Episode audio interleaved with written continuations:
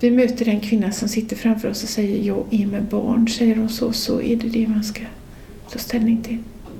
Eller hon ska ta ställning till. Idag får vi möta Maria som arbetar på Minnamottagningen. Dit kan man vända sig för att i lugn och ro prata igenom sin situation.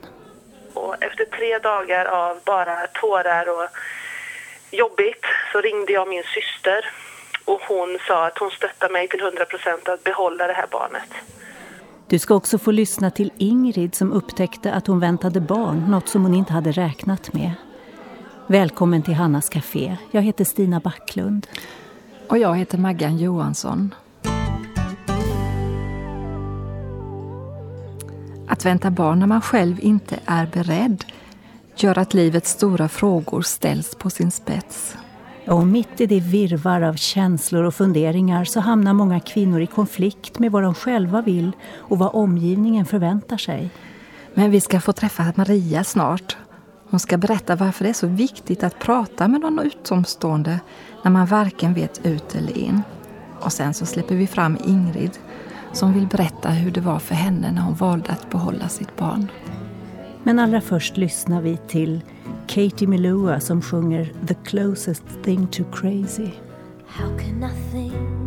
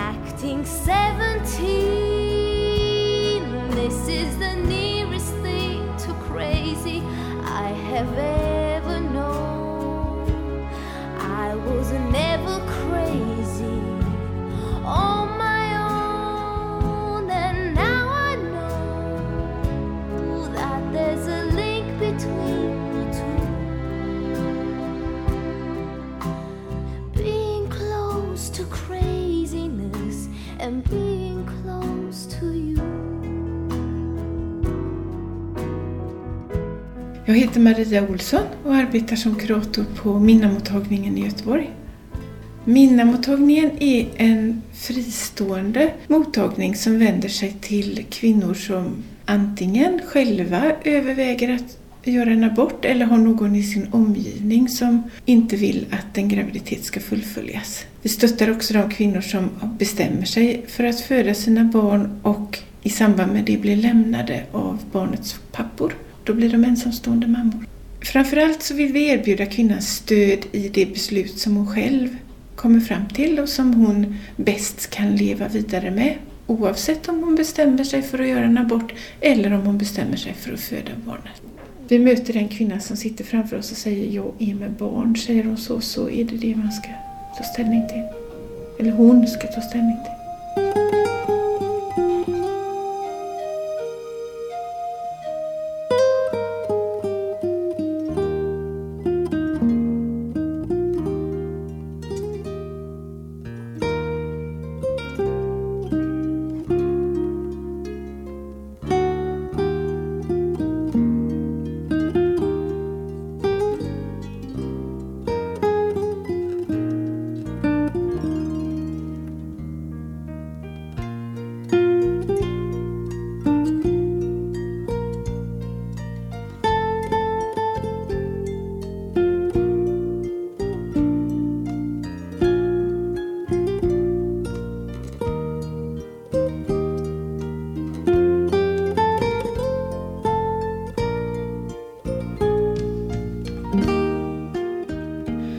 Som exempel kan jag läsa ett, eh, ett mejl som kom till oss i, idag faktiskt.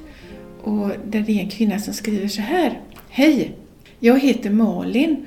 I torsdags fick jag veta att jag är gravid, nu i sjunde veckan. För mig är abort något otänkbart för jag skulle må så otroligt dåligt av det. Mina tankar går så att det är ett liv jag har i mig nu och jag har inte rätten eller viljan att ta det livet. Min pojkvän resonerar inte så dock. Han känner att han absolut inte vill ha barnet och försöker verkligen få mig att göra abort och tycker jag är egoistisk som inte tänker på honom. En barnmorska tipsade mig om er och, jag, och att jag kan kontakta er. Jag vet inte alls hur ni jobbar men ni får gärna höra av er för jag behöver allt stöd i världen. Malin här, hon, hon uttrycker, bara på de korta raderna i detta mejlet så uttrycker hon ju den komplexiteten. Själv så känner hon att hon, hon är med barn.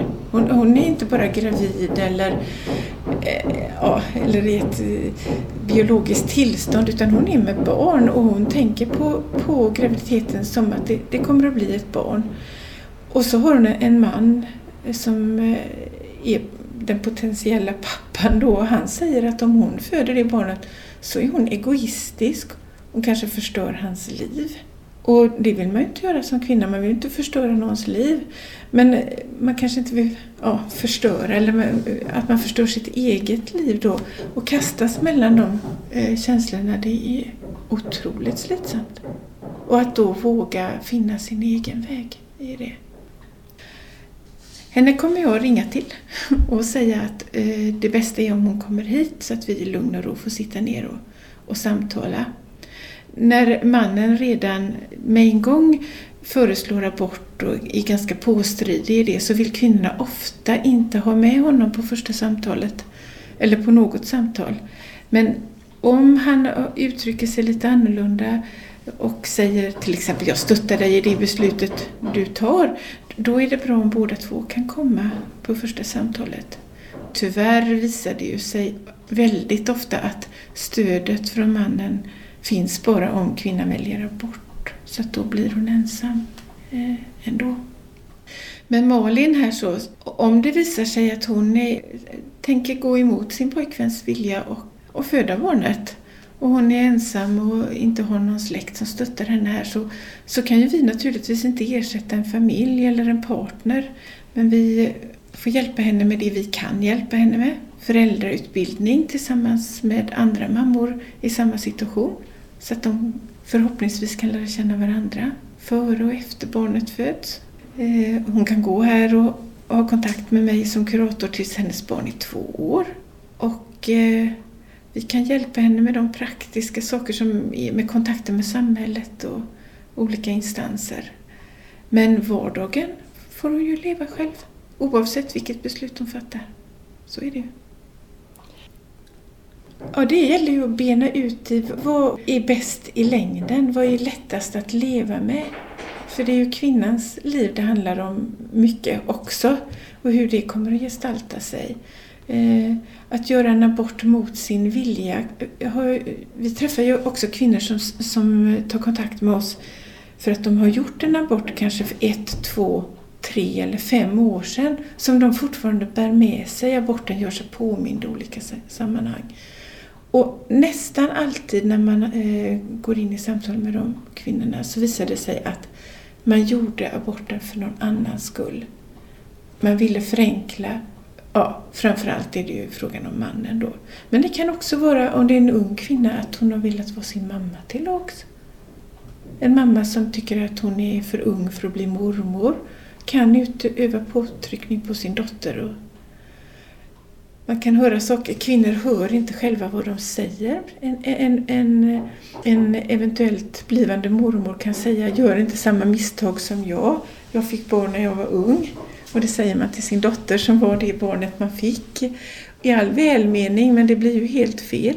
Det blir ju katastroffel. Och jag kör den relationen faktiskt för ganska lång tid framöver. Om inte för alltid. Många riktigt unga kvinnor de känner ju att eh, förväntningarna är, är att de ska göra abort. Det, det är nog ganska samstämmigt. Att det finns inte så mycket utrymme för eget eh, egna val utan eh, alla tycker att det är det bästa och det kanske det är rent matematiskt att, och förnuftsmässigt att det skulle vara det bästa. Men jag träffar förvånansvärt många kvinnor i 30-årsåldern som kommer hit och säger jag är gravid nu, det här är, är, det är inte så lyckat, jag har ingen relation med mannen men jag har gjort en abort en gång och det gör jag aldrig om. Och när de säger så, då är det oftast en tonårsabort som eh, man slog locket på och gjorde en abort därför att det var, det var bäst. Alla tyckte att det var bäst. Men sen har den, det, det var, han aldrig blivit ett eget beslut. Och så väljer man att fullfölja en graviditet lite längre fram i livet. Hade man inte gjort den aborten i tonåren så sätter jag en liten peng på att man kanske hade gjort aborten den här gången. Istället. Så det, det, är klart att det, det, det är ju ganska psykologiskt eh, ett observandum i alla fall för att se om hon kan eh, se att det är ett barn jag föder. Det är inte bara det att jag inte gör abort för att det var så hemskt utan jag tar till mig detta barnet. Av olika skäl. Och vill hon inte göra abort så, så ska hon faktiskt få stöd i det. Det är, det är viktigt att man vågar lyssna på, på, på sig själv och att inte göra abort för någon annans skull. Det, det tror jag är det viktigaste. Och sen eh, söka hjälp faktiskt. Att, för ensam är inte stark utan att det, det är jättetufft om man nu blir ensamstående mamma. Det är inte, det, det är inte lätt alla dagar. Det är, är, extra tungt och man ska inte idyllisera eller göra, förenkla det valet. Absolut inte. Men att det finns praktiska saker som kan underlättas och det finns viss hjälp att få. Men eh, det är mycket som inte finns hjälp och har man inget nätverk runt omkring sig då måste man söka det på ett annat håll. Ett nytt nätverk. Mitt råd. Prata med någon.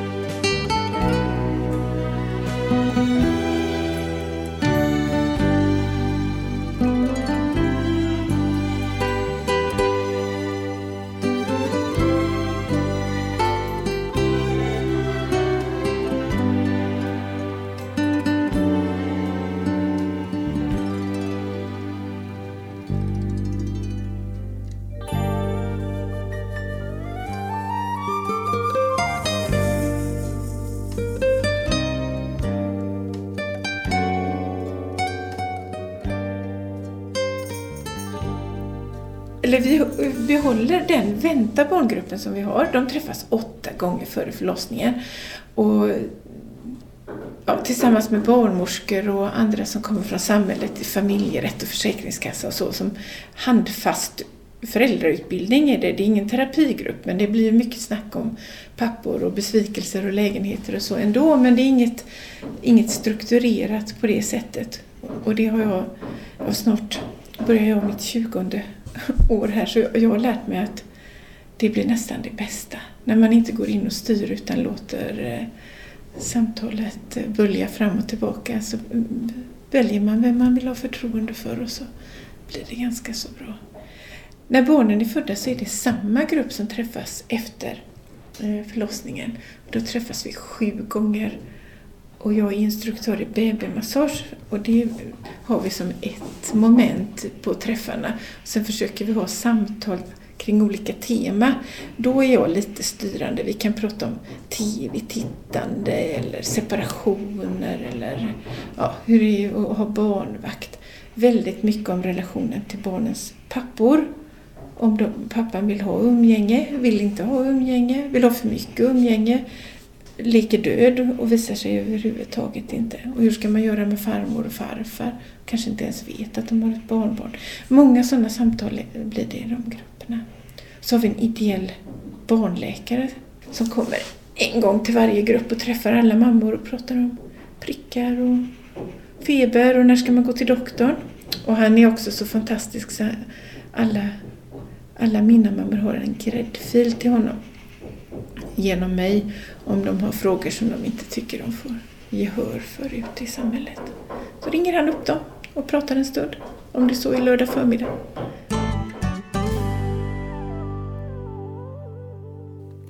Om du vill komma i kontakt med någon på Minnamottagningen kan du gå in på deras hemsida www.minna.nu.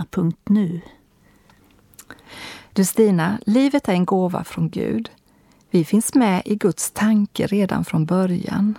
Ja, ett liv tänds när en spermie smälter samman med en äggcell. Då sker ett skapelseunder. Gud har faktiskt en plan för varje människas liv oavsett hur barnet har kommit till och hur omständigheterna ser ut. Vi ska snart få höra hur det var för Ingrid när hon upptäckte att hon väntade barn. Men vi lyssnar först till To My Friend med Elise Einarsdotter.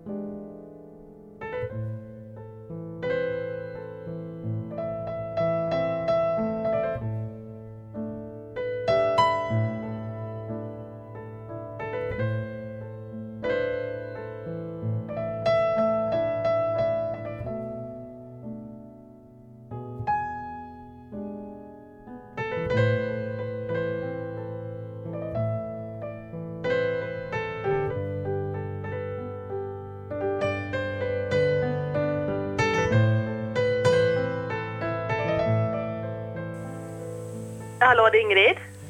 Vi ringer upp Ingrid för att höra hur det var för henne när livet tog en annan vändning än vad hon hade tänkt sig. Jag har vuxit upp eh, i en kristen familj och alltid varit en kristen alltså. Men eh, när jag växte upp så fanns det mycket frestelser och jag var mycket ute och hittade på saker. Eh, mycket alkohol och mycket fel umgängen, kompisar och så. Och jag började på folkhögskola efter ett års studier på högskola. Jag kände att jag hade valt fel linje och började dreja istället i Grebbestad. Och när jag kom dit så var det fortsatt mycket festande varje helg. Och en av de här helgerna så gick jag hem tillsammans med en kompis på högskolan som vi, jag bodde ihop med. Vi bodde bara ihop för att få mindre hyra då. Så vi hade ingen relation med varandra utan det var bara en kombo eller vad man ska säga. Och eh, den natten mellan den 4 och 5 oktober 2003 så hade vi sex med varandra. Och det var inte någonting som jag hade tänkt att det skulle hända utan det var på grund av alkoholen och att vi var väldigt trötta. Och eh, det bara blev liksom.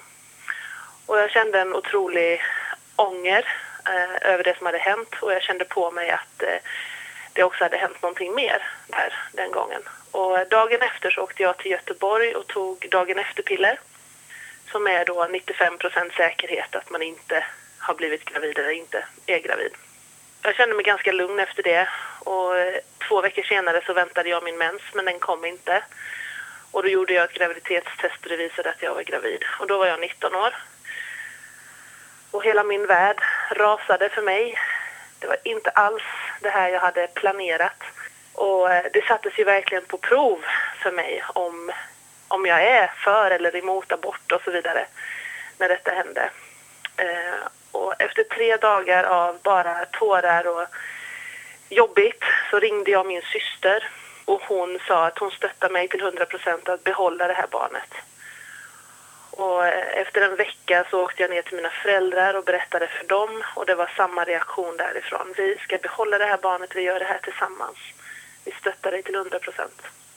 Och det var väldigt skönt samtidigt som jag kände att när jag väl hade berättat detta för dem så fanns det ingen återvändo. Då, var jag, då skulle jag bli mamma. Jag kunde inte göra abort efter det. Så det är jag jättetacksam för idag, att jag inte gjorde abort. När detta hände så fylldes jag av ett väldigt, jag hade väldigt svårt att tycka om mig själv.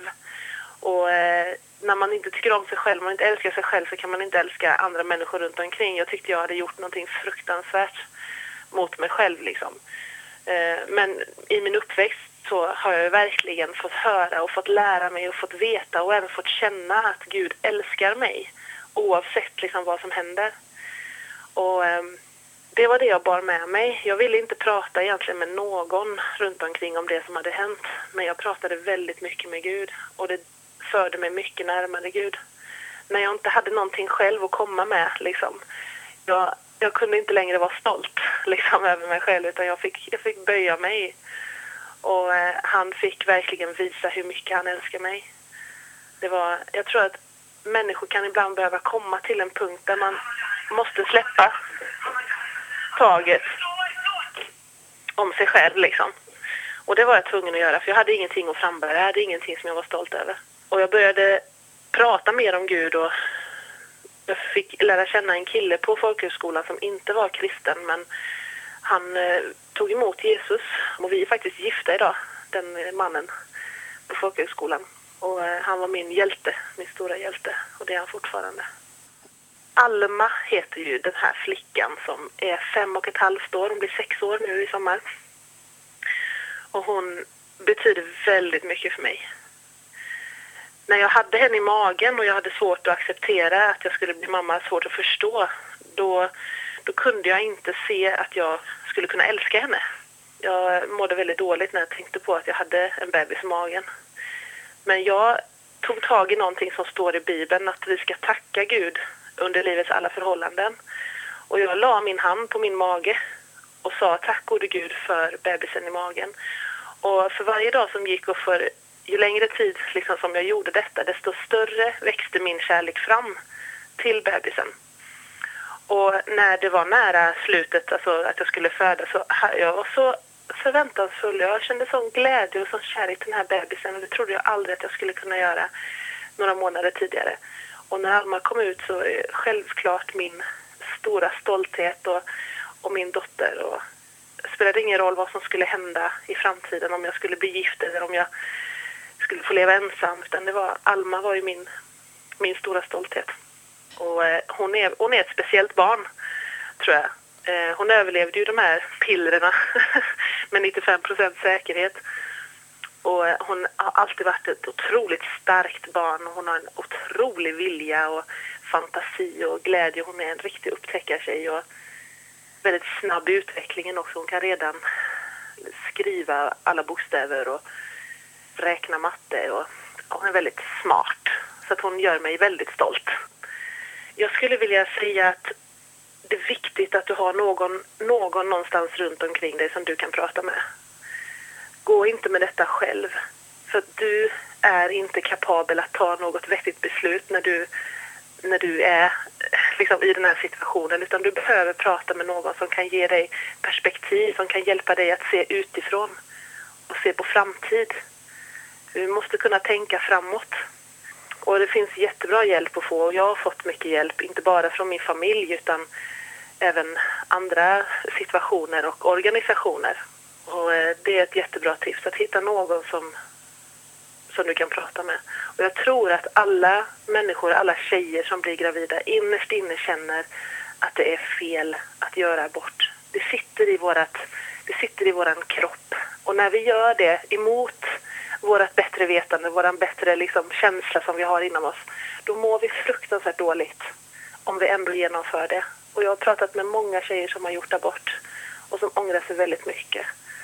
Och jag hade önskat att jag kunde pratat med dem innan de tog det beslutet. Prata, prata, prata med de som du vet är emot abort.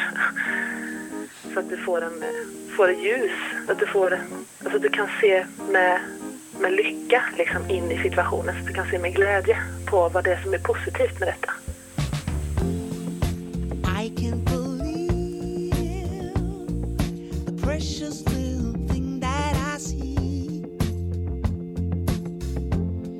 how suddenly heaven's just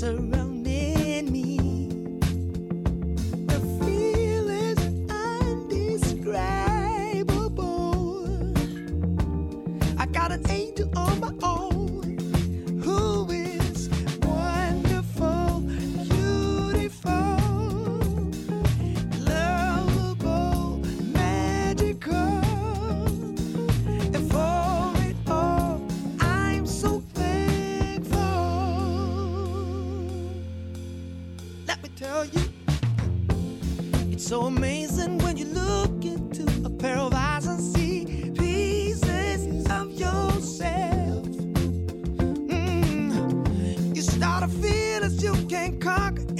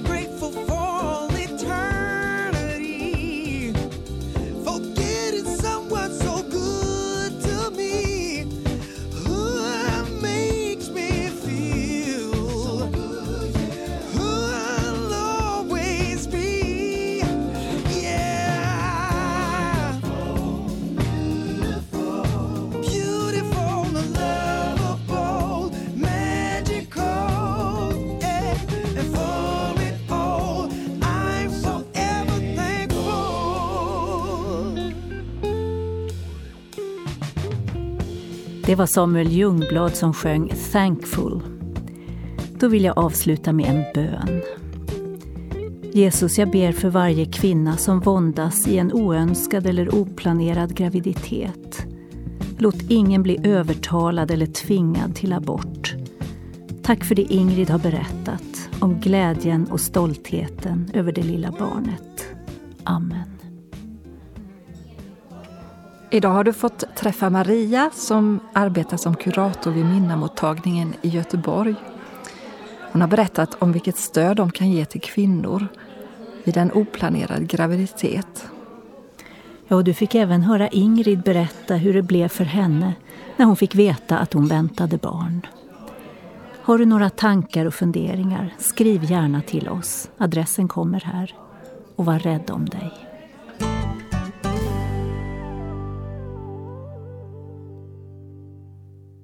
Hannas Café är producerat av Stina Backlund och Maggan Johansson för Norea Radio Sverige med adress Östergatan 20 262 31 i Ängelholm.